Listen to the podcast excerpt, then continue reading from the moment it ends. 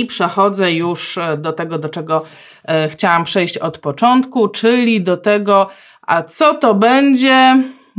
Zaczyna się mój ulubiony program, Beata. Dzięki serdeczne, bardzo mi miło.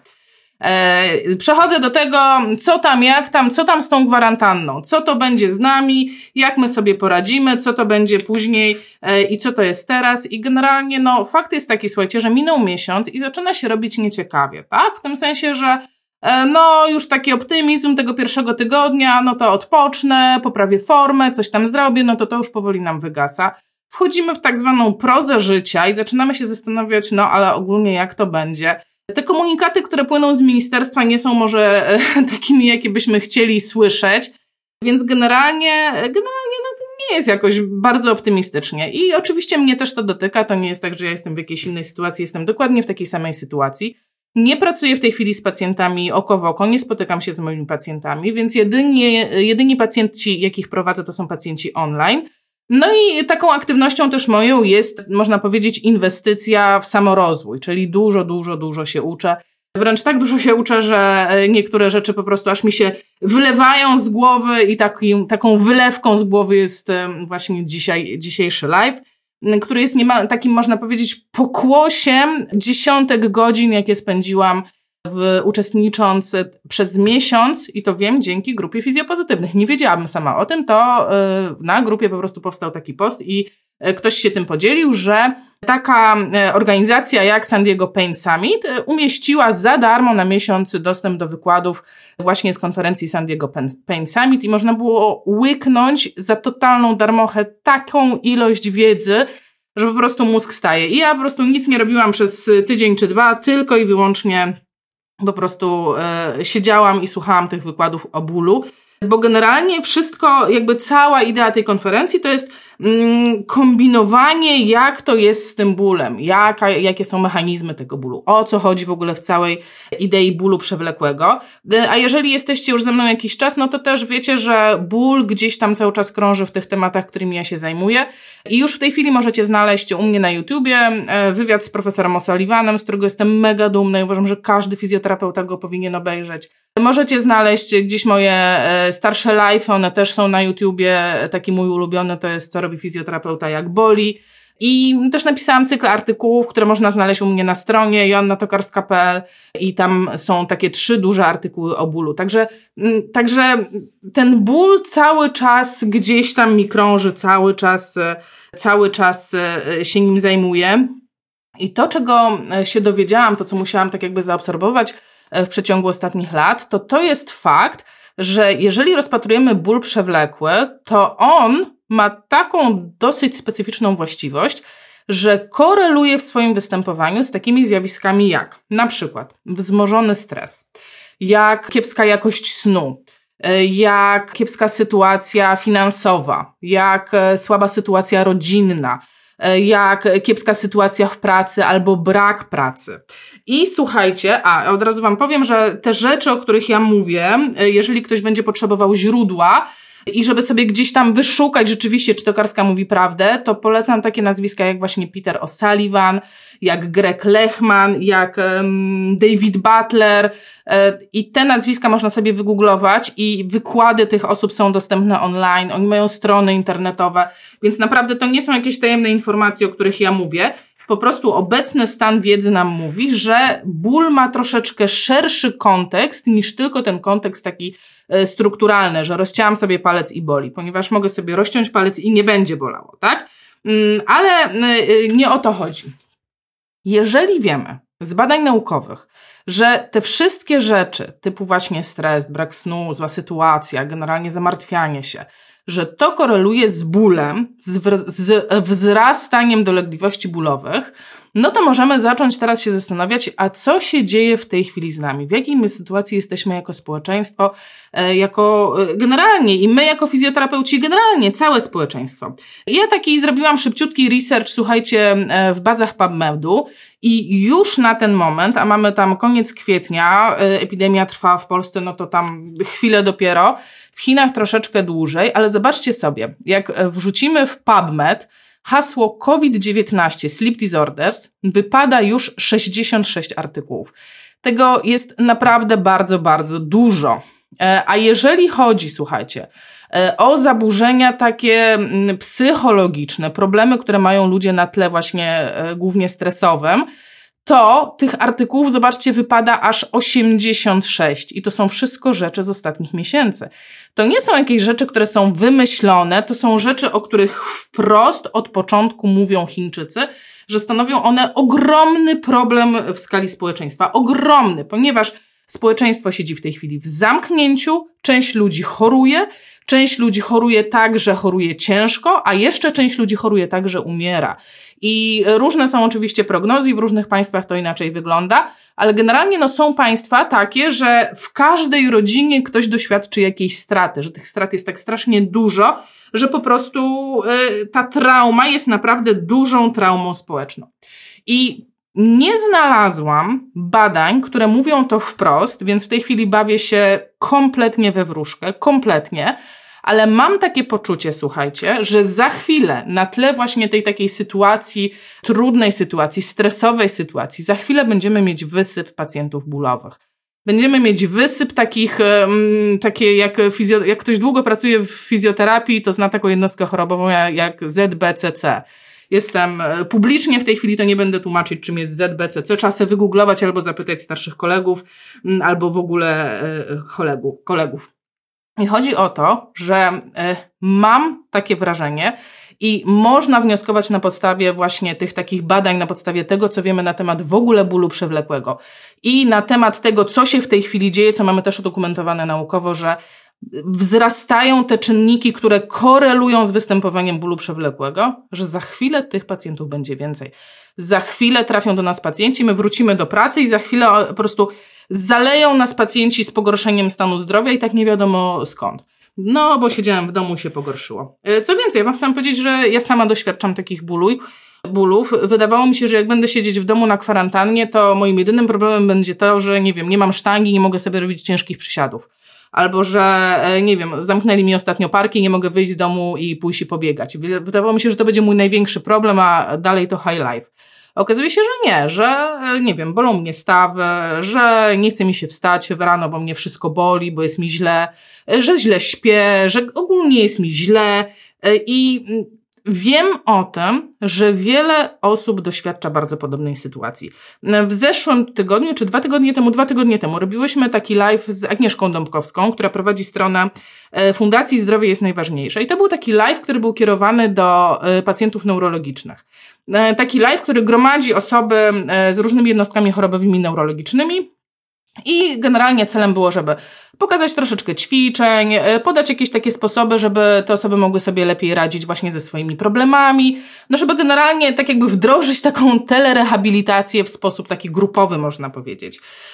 I dlaczego w ogóle to zrobiłyśmy? Dlatego, że Agnieszka napisała do mnie, że pacjenci zaczynają się skarżyć, że właśnie gorzej funkcjonują. Są odcięci od rehabilitacji, tak to raz w tygodniu mieli jakąś tam rehabilitację i to ich trzymało e, w takim jakiejś w dobrej kondycji. Że e, gorzej śpią, że spastyczność ich łapie, że mają jakieś takie objawy, sztywność, czyli de facto bardzo podobne objawy do moich, e, że ciężko mi wstać i ciężko, ciężko generalnie mi funkcjonować. Więc to są takie rzeczy, których ja Wam nie mogę podlinkować Wam teraz badań, że ktoś to zbadał i że tak jest, ale tak jakby powoli zaczynają się pokazywać e, takie oznaki, że rzeczywiście coś w tym jest, że zaczynamy wszyscy cierpieć e, na takie większe dolegliwości bólowe. Generalnie Agnieszka jest takim, e, można powiedzieć, łącznikiem e, moim z pacjentami, z większą grupą pacjentów, ponieważ ona zbiera bezpośrednie informacje e, od nas. Agnieszka, jeżeli jesteś, to pozdrawiam Cię, ale wiem, że Agnieszka dzisiaj miała ciężki dzień, więc wcale się nie zdziwi, jak jej nie ma.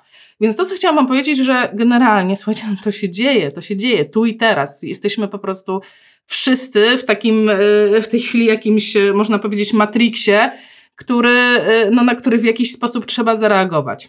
I chciałam Wam też powiedzieć taką rzecz, że Wiem, że na przykład Agnieszka stara się o dofinansowanie, żeby mm, sponsorować telerehabilitację swoim pacjentom, żeby wspomagać tych pacjentów, żeby mogli mieć jakiś dostęp do fizjoterapeuty, ponieważ ten dostęp jest generalnie ważny. To nie jest tak, że, że pacjentom to jest, że oni mają to w nosie, że nas nie ma. Absolutnie nie mają w nosie i wielu z nich bardzo, bardzo cierpi na tym, że są pozbawieni fizjoterapii. I teraz słuchajcie, jako fizjoterapeutka mogę mieć dwa podejścia. Jedno podejście jest takie, No kurde, nic się nie da zrobić, wycięli mnie z pracy, po prostu muszę siedzieć, aż się skończy kwarantanna, no bo przecież trakcji nie zrobię przez internet. Ale mogę mieć też drugie podejście, i to drugie podejście będzie polegało na zadaniu sobie pytania: OK, to co mogę zrobić w tej sytuacji tu i teraz, pomimo tych ograniczeń, żeby jednak dać jakąś wartość moim pacjentom? Żeby ich wspomóc, pomimo tego, że nie mogę ich dotknąć. No i teraz zadacie sobie pytanie, co ja się tak upiłam w ogóle do tego bólu, co ja tak w kontekście kwarantanny i w ogóle całej tej sytuacji ciągle mówię y, o bólu. Po pierwsze dlatego, że w mojej ocenie będzie go dużo więcej. W mojej ocenie to jest dopiero początek. Y, po prostu, że ta lawina się na nas wyleje za chwilę. To jest pierwsza rzecz. A druga rzecz jest taka, że słuchajcie, jeśli chodzi o terapię takich przewlekłych dolegliwości bólowych, to naprawdę multum rzeczy da się zrobić online. Multum rzeczy. Multum.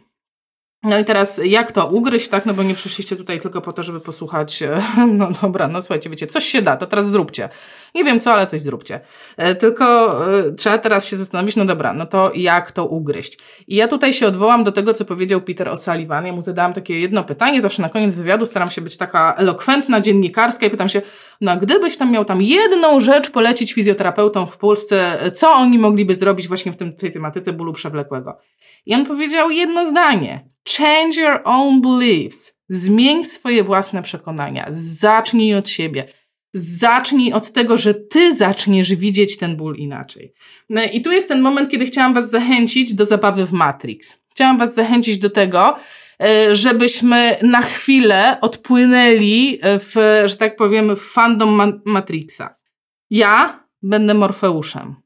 Jeżeli jesteś tutaj na tym live'ie i zastanawiasz się, o czym ta tokarska w ogóle nawija, strasznie dziwna laska, to prawdopodobnie jesteś Neo. A jeżeli jesteś ze mną już dłuższy czas, jesteś jedną z tych osób, która napisała do mnie, kurde Aśka, fajnie, że tak nawijałaś o tym San Diego Pain Summit. Jak tego słuchałam, to wiedziałam o czym mówią, bo ty już o tym wcześniej mówiłaś. To ty jesteś Trinity i mamy cały po prostu medyczny Matrix. Bo teraz wchodzimy do świata, w jakim żyjemy, do świata medycyny. I oczywiście ten świat medycyny XXI wieku jest piękny, jest nowoczesny, daje bardzo dużo możliwości, ale też daje bardzo dużo ograniczeń i daje nam takie wrażenie, że poruszamy się w jakiejś rzeczywistości. No i teraz, i teraz jest ten moment, kiedy trzeba zdecydować, którą pigułkę bierzesz.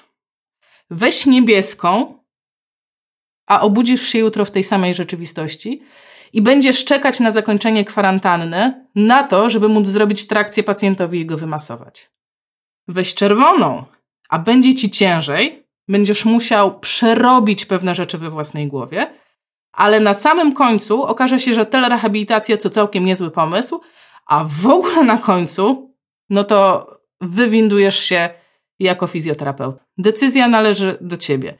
I te osoby, które chcą wziąć niebieską tabletkę, no to to jest ten moment, kiedy, kiedy trzeba wyjść z live'u, tak? Bo już tutaj nic takiego, jakby technik e, manipulacji tutaj teraz nie będzie. Teraz będziemy mówić o tym, jak wyjść z Matrixa i jak wygląda życie poza Matrixem. Teraz zostają tylko osoby, które zdecydowały się na czerwoną tabletkę. I jak wygląda Matrix świata medycznego? E, w czym my się w ogóle poruszamy, jeśli chodzi o terapię bólu? Ja sobie zrobiłam taki wykresik na własne potrzeby, po to, żeby, żeby było wiadomo, o co mi chodzi. Więc z jednej strony mamy cały system edukacji, gdzie my jako, nie wiem, studenci rehabilitacji mamy jakiś program i realizujemy y, no, kawałkami ten program, program, prawda, żeby jakby ogarniać całego człowieka. No i z jednej strony w tym programie, przynajmniej jak ja studiowałam, to było dawno temu, więc możecie mi napisać, jak jest w tej chwili, bo z tego, co mi wiadomo, to ta podstawa programowa wcale nie zakłada jakiejś niebotycznej liczby godzin, jeśli chodzi o naukę bólu. Generalnie jak ja studiowałam, to to sprowadzało się do tego, że są włókna tam A, są włókna C, jedne szybkie, drugie wolne i generalnie reakcja, odruch, prawda, cofanie i tak dalej, i tak dalej. Nie było to bardzo rozbudowane, więc to jest jedna strona edukacji. Druga strona edukacji jest taka, no, że e, jakby nie jest e, system edukacji ogólnie, w jakim funkcjonujemy, nie sprzyja zadawaniu pytań, e, nie sprzyja poszukiwaniom, nie uczy samodzielnego rozwiązania problemów. Mamy materiał, trzeba wystukać, zaliczyć, dziękuję. To jest wszystko. Z drugiej strony, w tym świecie medycznym mamy takie zjawisko jak ignorancja. Czyli mamy jakiś zasób wiedzy i akurat w dziedzinie bólu przewlekłego tych wiedzy jest naprawdę, naprawdę full. Jest bardzo dużo wiedzy dostępnej, jeśli chodzi o e, przewlekłe dolegliwości bólowe. Tylko dość niewiele osób zadaje sobie trud, żeby tą wiedzę chociażby przeczytać, nawet jak ona jest dostępna. Po prostu zdają się ignorować w ogóle to, że coś takiego, że coś takiego w ogóle jest, tak? Mm, I to są te osoby, które prawdopodobnie wybrały niebieską tabletkę, kto by tam się uczył o, nie wiem, modelu biopsychospołecznym, kogo to interesuje, nikogo to nie interesuje. Więc mamy tą ignorancję, że pomimo tego, że ta wiedza jest, to nie będę się nią przejmował, nie będę się interesował. I teraz tak naprawdę, jeśli chodzi o zdobywanie wiedzy, no to możemy to jakby postrzegać na kilku poziomach. Są pewne rzeczy, które wiem, tak? Kończę studia i tam coś tam wiem. Kończę jakiś kurs, coś tam wiem. Przeczytam książkę i coś tam wiem. Więc to jest moja wiedza. Wiem, że wiem. Ale równocześnie, jak czytałam tą książkę, czy jak robiłam ten kurs, czy jak byłam na konferencji, no to widziałam, że tam są rzeczy, których nie wiem, albo nie ogarniam, albo nie zapamiętałam, albo tak, no, nie były dostatecznie interesujące, ale wiem, że te rzeczy istnieją. Czyli jednym słowem jest taki obszar wiedzy, że wiem, że ja tego nie wiem. Czyli wiem, że to istnieje, ale wiem, że ja tego nie znam. I to jest też spoko, no bo to jest ta taki, ten taki margines, hmm, z którego mogę sobie wybierać, z, której, e, z którego elementu chciałabym wiedzieć więcej.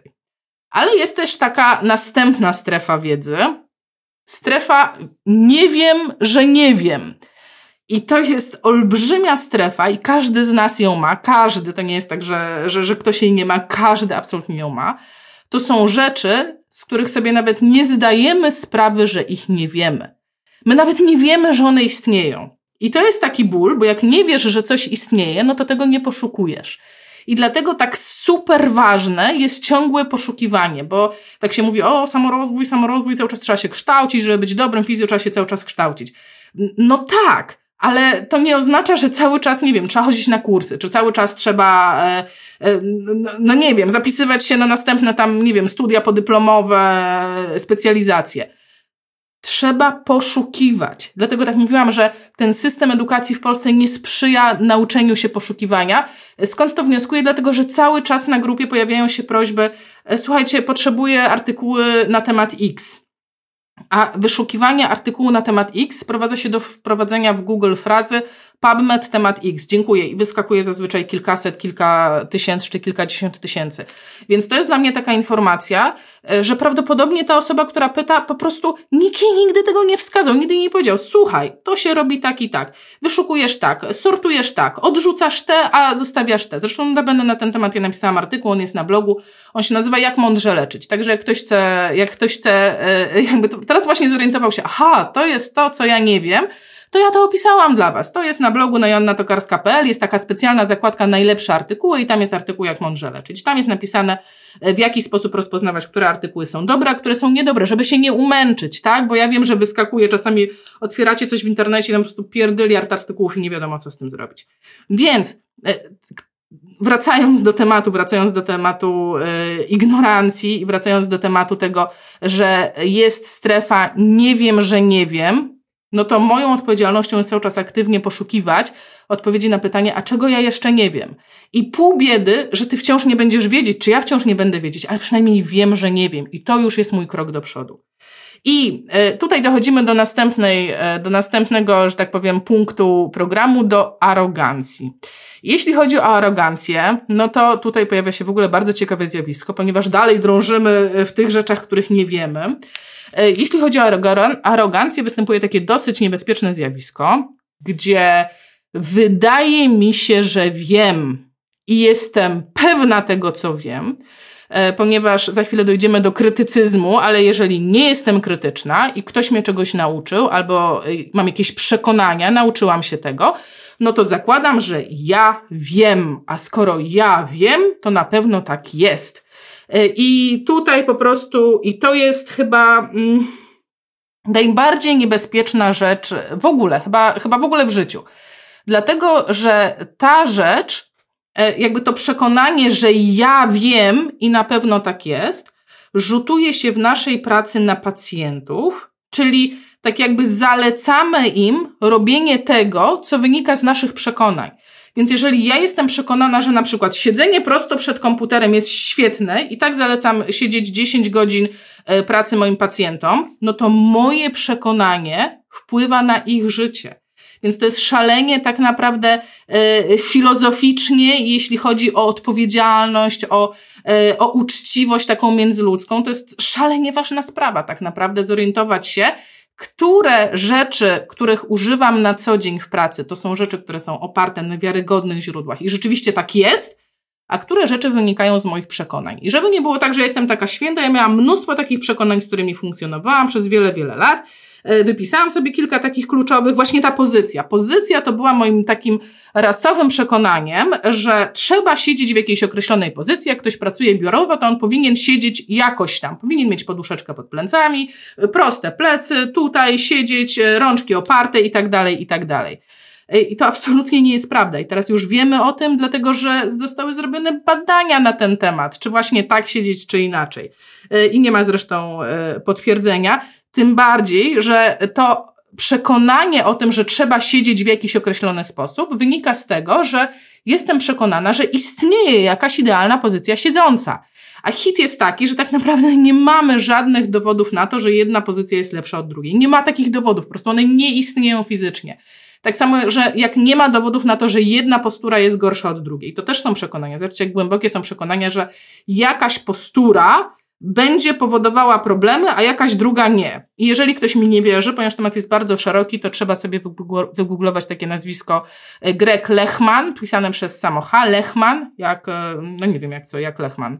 Greg Lechman, on, on bardzo, e, bardzo czytelnie o tym pisze że tak naprawdę e, absolutnie nie mamy potwierdzenia naukowego, jeśli chodzi o kwestię postury, czyli kwestię tego, że jak stoję, nie wiem, że na przykład, że istnieje ta osławiona TextNet, ta szyja SMS-owa, to po prostu nie istnieje.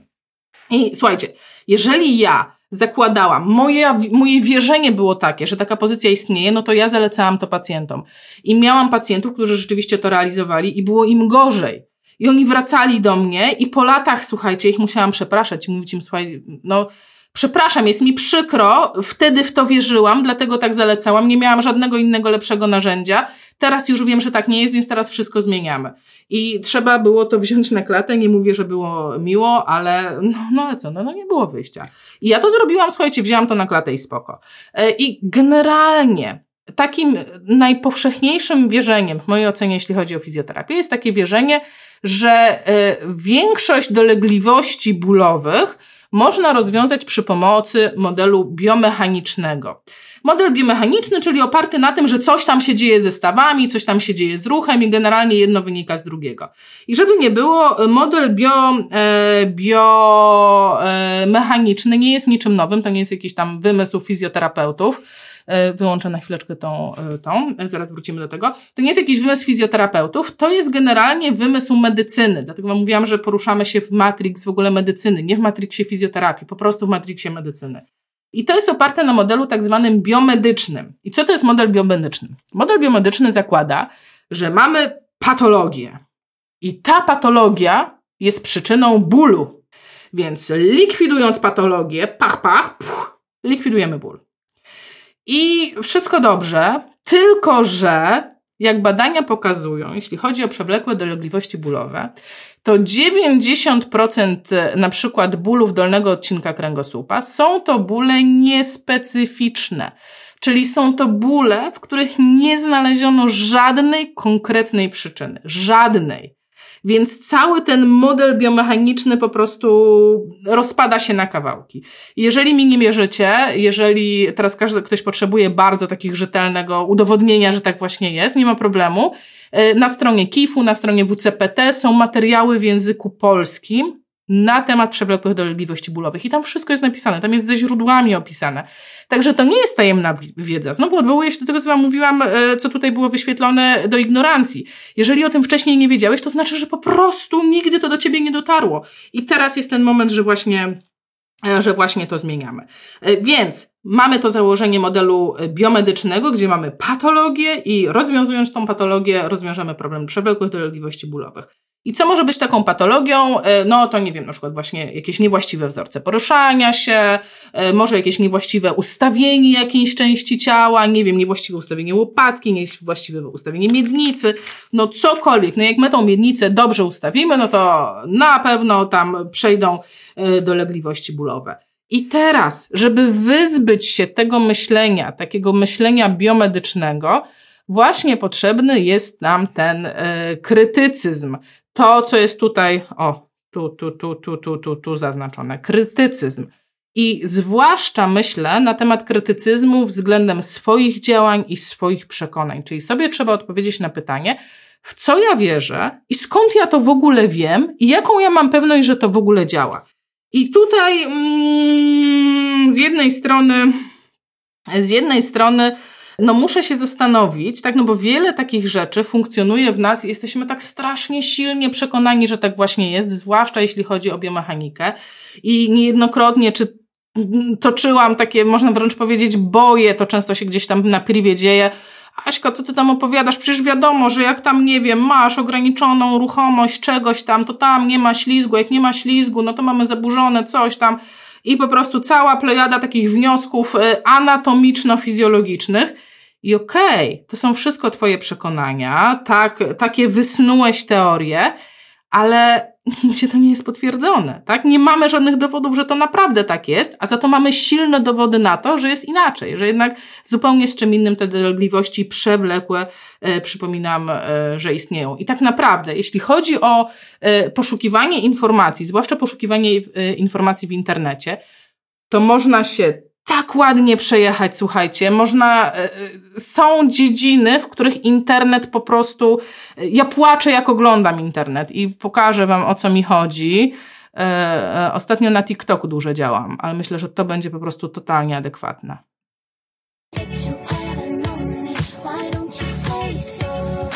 No, God! No, God, please, no! No! Tak się czuję, jak oglądam, e, jak przeglądam internet i jak znajduję informacje na temat tego, jak trzeba siedzieć. Jak znajduję informacje na temat ergonomii e, pracy przy biurku. A teraz to jest bardzo na topie, bo mnóstwo osób pracuje z domu i mnóstwo osób zadaje pytanie, a jaka powinna być ergonomia pracy przy biurku. I y, muszę wam powiedzieć, że udzielałam jakiegoś wywiadu dla Onetu, I właśnie napomknęłam, słuchajcie, no to, to nie jest tak, że trzeba siedzieć prosto 8 godzin, to nie jest tak, że trzeba napinać brzuch, to nie jest tak, że trzeba napinać pośladki, wręcz odwrotnie. I po prostu widziałam, e, widziałam, jakie to jest szokujące, jaka ta wiedza jest po prostu szokująca, e, że, że, ale jak to, ale jak to? Przecież wszędzie jest pokazane, że trzeba siedzieć prosto. No a nauka, jak ktoś się wgłębi w ten temat, to nauka mówi zupełnie inaczej. I też, żeby, jak macie ochotę mnie zapytać o źródła, to te źródła są podane w artykule, który napisałam. Kręgosłup, dyskopatia, może po prostu źle siedzisz. I on jest na stronie, i ona pisze jeszcze raz. Jest na TikToku, można wejść na TikToka, ja tego, to, to jest ogólnie dostępne. Więc e, można, można wejść do tego artykułu i tam macie źródła dokładnie, na czym ja się podpieram, e, twierdząc w ten sposób, bo to są duże przeglądy systematyczne, duże badania na dużych grupach osób. Naprawdę to nie jest tak, że trzeba siedzieć e, prosto. Więc e, z jednej strony, słuchajcie, no przyjęliście już tą czerwoną tabletkę, tak? Zakładam, że podążacie ze mną. I no tak, wybraliście ją. Pewnie przez chwilę nie było miło, bo sobie ponarzekałam, no ale główne pytanie jest, no dobra, Aśka, no to co ja teraz mogę z tym zrobić?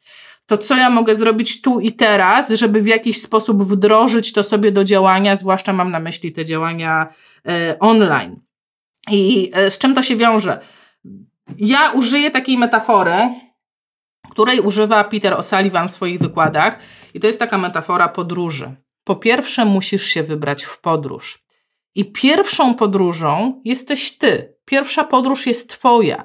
Czyli teraz, jak ja już się nagadałam o tym, ile tych materiałów jest dostępnych, to twoje zadanie jest je znaleźć, przeczytać, przyswoić, przegryźć, zdenerwować się, rzucić je, nie wiem, o podłogę, podnieść znowu i oprzeć swoje przekonania na tym, co wiadomo na pewno, tak? Na tym, co jest zbadane, na tym, co, czym warto się posługiwać. To jest pierwsza rzecz. Najprościej, nie ukrywam, jeżeli ktoś dysponuje językiem angielskim, no to najprościej jest znaleźć te materiały po angielsku, bo jest cała platforma Paynet, e, jest, e, są, Greg Lechman ma swoją stronę internetową, ma znakomitego e-booka za darmo na temat bólu, którego można pobrać. Naprawdę tych materiałów jest full. Ale jeżeli nie mówisz po angielsku, no to będzie ci troszeczkę ciężej, aczkolwiek nie jest to niemożliwe, bo chociażby zaczęcie od tych materiałów, które udostępniło WCPT, które my jako zespół międzynarodowy, my żeśmy to przetłumaczyły na język angielski, tfu, na język polski.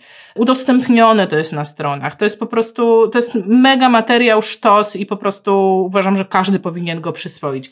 E, ja napisałam trzy artykuły na temat bólu. E, jestem przekonana, że moje artykuły nie są jedynymi artykułami, które się pojawiają w sieci. E, jedyne to, co Wam mogę polecić, jak czytacie artykuł znaleziony w sieci, który nie jest źródłem naukowym, tak jak mój blog, on nie jest naukowy, on jest mój to to, na co trzeba zwrócić uwagę, czy autor tego artykułu odwołuje się do źródeł i czy te źródła mają sens. E, jak znaleźć sensowne źródła, to Wam powiedziałam na samym początku, w jaki sposób rozpoznać, który artykuł jest dobry, a który jest troszeczkę słabszy, tak, żeby było wiadomo, jak się w tym poruszać. Ale generalnie nie jest to jakaś tajemna wiedza. Jeżeli ktoś się opiera o w miarę świeże badania z przeciągu ostatnich, nie wiem, pięciu czy tam nawet dziesięciu lat, jeżeli to są przeglądy systematyczne, jeżeli to są duże metaanalizy, no to to są wiarygodne źródła i takie źródła mogą Was przekonywać do tego, aha, no ta osoba pisze z sensem, czy mówi z sensem. Teraz są popularne podcasty, e, są popularne tam na YouTubie nagrania, więc generalnie jedynym zadaniem, jakie jest, to trzeba to przefiltrować, bo jeżeli ktoś podaje wam wiedzę, wiedzę, wiedzę, wiedzę e, i nie wiecie, czy ona ma sens, czy nie, no to teraz skąd on wziął tą wiedzę? Czy on to wymyślił, czy on to wziął nie, nie wiadomo skąd, czy to jest wiedza z badań naukowych. Więc to wam, e, to mogę wam polecić, ponieważ waszym celem generalnie, no i moim również, jest zabranie w podróż pacjenta. Czyli zabranie pacjenta w podróż poprzez jego dolegliwości bólowe, gdzie tym portem końcowym będzie życie, w którym on panuje nad własnym bólem. Bo nie ma życia bez bólu. Tak jak moje życie zawsze będzie się wiązało z bólem, wasze życie zawsze będzie się wiązało z bólem. To jest normalne, że mamy dolegliwości bólowe, z tym, że normalne jest to, że one przychodzą i odchodzą. Normalne jest to, że rozpoznajemy ten ból i on nam daje funkcjonować, e, albo tylko przez chwilę nam odbiera jakąś funkcję, tak? No bo są takie bóle, że odbierają też funkcję. Spoko.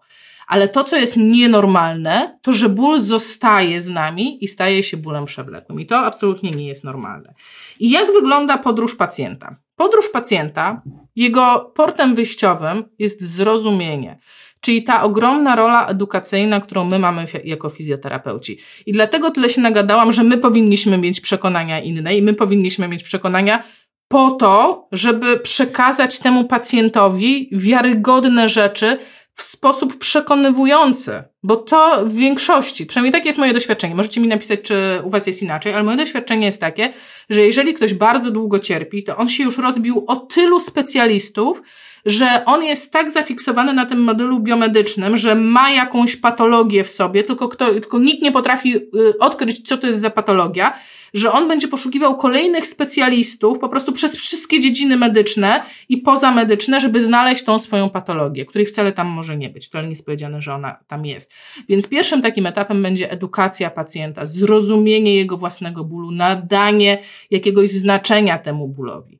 Drugim portem będzie ekspozycja, czyli stopniowe wystawianie pacjenta na te czynności, które prowokują u niego ból, stopniowe, mm, tak jakby e, stopniowe obciążanie tego pacjenta po to, żeby jego ciało i jego umysł nauczył się absorbować to, co do tej pory y, uznawał za szkodliwe, za niebezpieczne, no bo na tym polega mechanizm bólu, że mózg uznaje, o kurde, to jest niebezpieczne, no to chyba muszę sprawić, żeby to y, zabolało mocniej.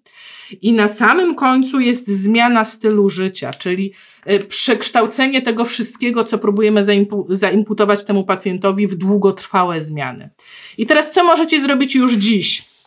E, jak ktoś naprawdę jest zainteresowany, to pewnie będzie musiał sobie później wrócić do tego live'a. On tu zostanie na fizjopozytywnych, także spokojnie możecie sobie wrócić później, dlatego że e, będę wymieniać e, pewne rzeczy, które możecie dodać już dziś do wywiadu, który robicie z pacjentem. I to nie są jakieś niesamowite rzeczy. Bo to, że pytamy o historię bólu, czyli jak to się zaczęło, kiedy się zaczęło, jak ten ból wyglądał, jak się zmieniał, no to to jest normalne, to jest normalne pytanie fizjoterapii. Ale już to, o co się nie pytamy, a warto to dodać do e, swojego wywiadu, to jest kontekst tego bólu. Czyli w jakich sytuacjach on się pojawia i w jakiej sytuacji życiowej on się pojawił. Czy, i teraz będziecie poszukiwać, czy w okresie, w którym pojawiły się dolegliwości bólowe, była zwiększona ekspozycja na te czynniki, o których mówiłam na samym początku, ponieważ to mogło uwrażliwić tego pacjenta i to mogło spowodować, że ten ból przetrwał. Więc interesuje nas historia bólu, interesuje nas kontekst tego bólu, interesuje nas, gdzie jest ten ból, obszar tego bólu, czy to jest duży ból, czy to jest właśnie ZBCC, tak jak ja mam teraz, y, zajem hmm, ból całego ciała. Interesuje mnie, jakie ten pacjent ma zachowania związane z bólem e, ponieważ są badania, które pokazują, że im bardziej pacjent tak jakby celebruje ból, czyli wszystkie że to wszystko tak naprawdę e, tak jakby nakręca te dolegliwości bólowe, więc te zachowania towarzyszące bólowi jak najbardziej nas będą interesować, bo to będzie właśnie ta zmiana schematów e, e, poruszania się, zmiana schematów w późniejszym okresie, żeby rezygnować z tego, żeby pacjent powolutku wychodził z tego, ale żeby zaczął z tego wychodzić, to musi zdawać sobie z tego sprawę, że to jest. A jeśli wy go o to nie zapytacie, to skąd on, skąd on będzie wiedział, że on ma wzorce zachowań, które korelują niego z bólem? No skąd on ma to wiedzieć? Przecież to on się nie zorientuje, to my to musimy o to zapytać. E, więc zachowania związane z bólem, stadium, w jakim ten ból jest, Wiadomo, że w tej chwili mówimy bardziej o przewlekłych bólach albo o bólach, które na przykład były już e, bardzo długo z tym pacjentem, ale wyciszyły się, a teraz na przykład wróciły, ale tak nie wiadomo skąd. Nie mówimy w tej chwili o bólach ostrych, gdzie, nie wiem, skręcił nogę i ma ból, tak? No to tutaj znamy przyczynę i tutaj absolutnie nie, nie będziemy, nie wiem, poszukiwać jakichś e, niestworzonych rzeczy. E, kolejna rzecz, którą dodajemy sobie do wywiadu, to poziom niepełnosprawności tego pacjenta, czyli z jakich rzeczy w życiu on musiał zrezygnować, ponieważ ma ten ból. Czy na przykład tak jak się spotykał, nie wiem, ze znajomymi, to czy teraz też się spotyka. Teraz wiadomo, że nikt się nie spotyka, ale wiecie o co mi chodzi. Chodzi mi o aktywności dnia codziennego. E, czy jak sobie, nie wiem, uprawiał jakieś sporty, to czy se dalej uprawia. Czy jak se chodził do ogródka, to se dalej chodzi. Generalnie interesuje mnie, co się zmieniło w jego życiu od tego momentu, w którym on dostał ten ból, ponieważ to będzie jego poziom niepełnosprawności. I tutaj znowu wchodzi w grę wiedza, a wiedza i statystyki mówią nam tak, że bóle, takie właśnie nie wiadomo skąd, są jedną z największych przyczyn niepełnosprawności na całym świecie. Po prostu jedną z największych przyczyn niepełnosprawności. Najwięcej zwolnień jest na bóle pleców. Najwięcej problemu i największej kosztów społecznych właśnie e, robią te, te takie niespecyficzne dolegliwości bólowe. No kolejna rzecz, jaką możemy sobie dodać do wywiadu, to strategie radzenia sobie z bólem, czyli co ten pacjent już sam wymyślił, żeby sobie z tym bólem radzić. Może ma jakieś sposoby, nie wiem, teraz zobaczcie, jaka jest różnica. Może, jak dostanie bólu, to się kładzie i leży, a my już wiemy, że ten schemat postępowania na przykład będzie mniej skuteczny w stosunku do tego, że mógłby się normalnie poruszać w tych granicach, które są dla niego dostępne. I wtedy to już jest takie pole dla nas do zmian. Ale jak znowu nie zapytamy o to, no to nie będziemy wiedzieć. Kolejna rzecz, którą dodajemy sobie do wywiadu, to jakie są przekonania pacjenta dotyczące bólu i jakie są wartości tego pacjenta, czyli co on utracił i co jest dla niego ważne w kontekście bólu. Czy na przykład chciałby utrzymywać, e, nie wiem, e, więcej kontaktów z wnuczkami, tak, a teraz nie może, bo go boli czy na przykład, słuchajcie, zdarzyły mi się, zdarzyło, zdarzyło mi się taki, taki pacjent mi się zdarzył, że dolegliwości nasilały się podczas e, seksu i po prostu miał jakąś tam swoją ulubioną pozycję, nie mógł z niej korzystać, bo właśnie w tym momencie nasilały się dolegliwości. I to są rzeczy, o które no po prostu trzeba zapytać, co mu ten ból zabierał i na ile to jest dla niego ważne, tak? Na ile to stanowi dla niego wartość, czyli o co on będzie walczył i jak on pojmuje ten ból, tak? Wiele osób pojmuje, to powiedziałabym, że większość osób, e, tak jak patrzę na pacjentów, większość osób pojmuje ten ból, że no powinno, pani zrobić coś, żeby mi przeszło.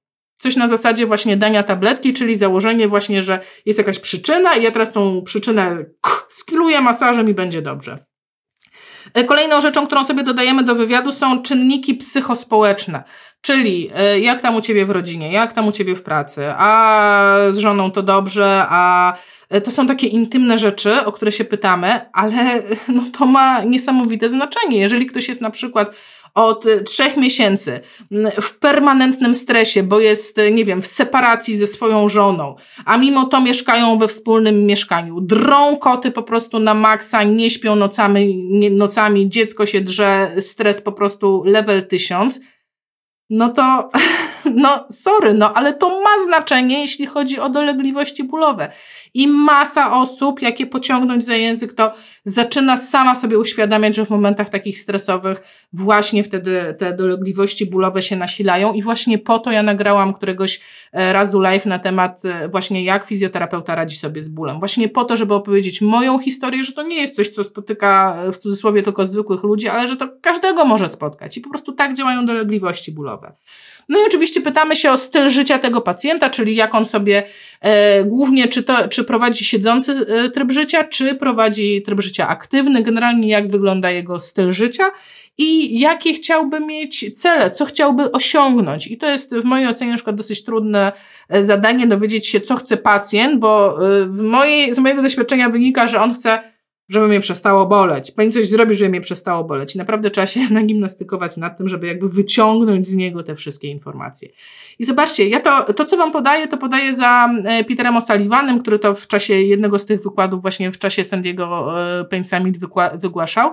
I dopiero na końcu tych rzeczy, o które pytamy w trakcie wywiadu, jest pytanie o czerwone flagi czyli e, włączenie do wywiadu wszystkich rzeczy, które mogły się za, zadziać, no bo mamy te 90%, które jest tak jakby bóle nie wiadomo skąd, bóle niespecyficzne, no ale mamy te 5 do 15%, tak pokazują statystyki, bólów, które rzeczywiście są bólami, które mają określoną przyczynę i są bólami, z którymi musimy odesłać do lekarza. W związku z tym my mamy obowiązek zapytać się o te czerwone flagi. Dlatego my właśnie musimy się zajmować dolegliwościami bólowymi, a nie wiem, a nie psycholodzy, tak? Bo ja dużo mówiłam takich psychologicznych rzeczy w tej chwili. E, może inaczej, nie to, że psycholodzy mają się tym nie zajmować, bo tym się powinien team zajmować cały. Ale generalnie my mamy tę wiedzę, żeby wykluczyć, inaczej wyłapać tych pacjentów, którzy mają poważne e, podejrzenie poważnej patologii i odesłać ich tam, gdzie trzeba, czyli o poradę lekarską, czy na, nawet na ostry dyżur, no to w zależności, co tam wyłapiemy. Więc to są te czerwone flagi, o które również trzeba zapytać. To, co można włączyć sobie do badania tego pacjenta, to takie proste rzeczy, jak ból zachowuje się w poszczególnych ruchach, tak?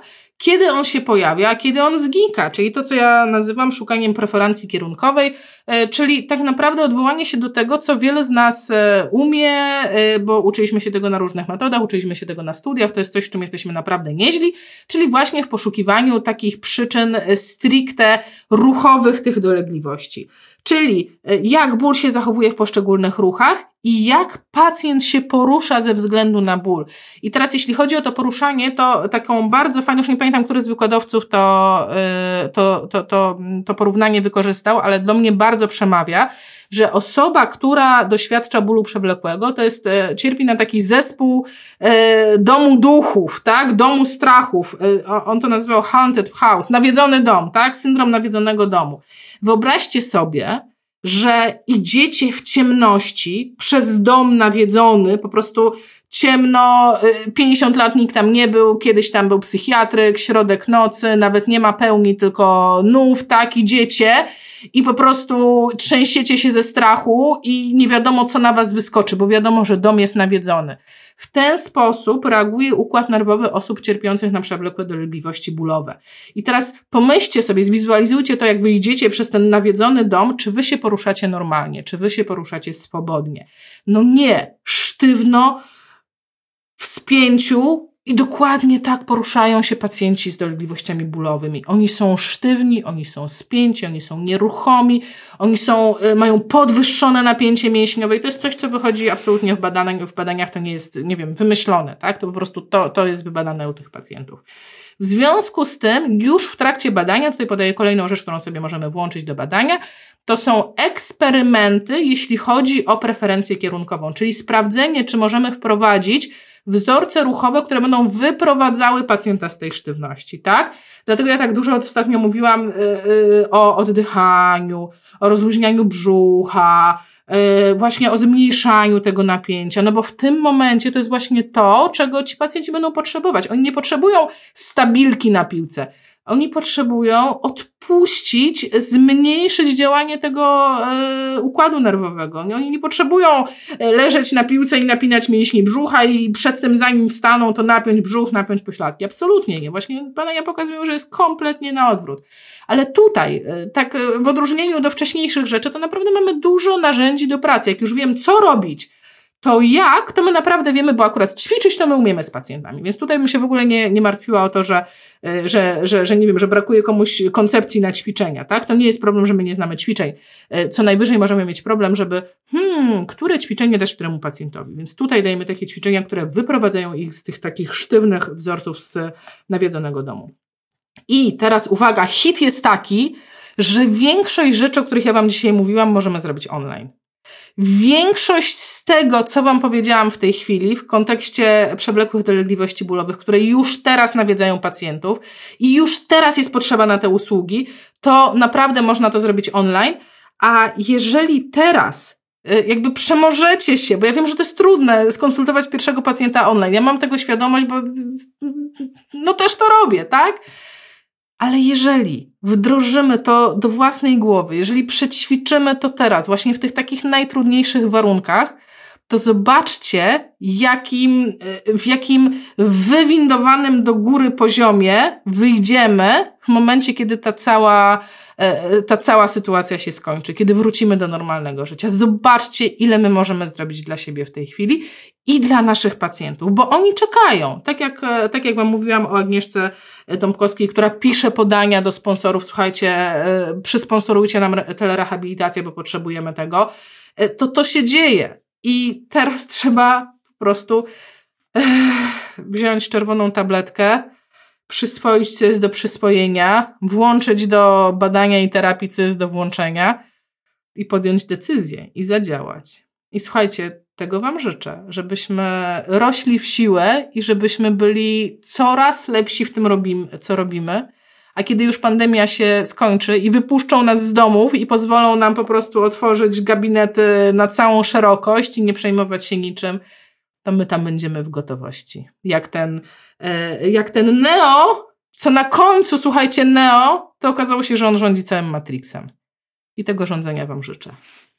Poodpowiadam na komentarze, no, później. Tak, bo już jestem z Wami godzinę. Dziękuję wszystkim, którzy wytrwali i do zobaczenia w przyszłym tygodniu, w poniedziałek. Cześć!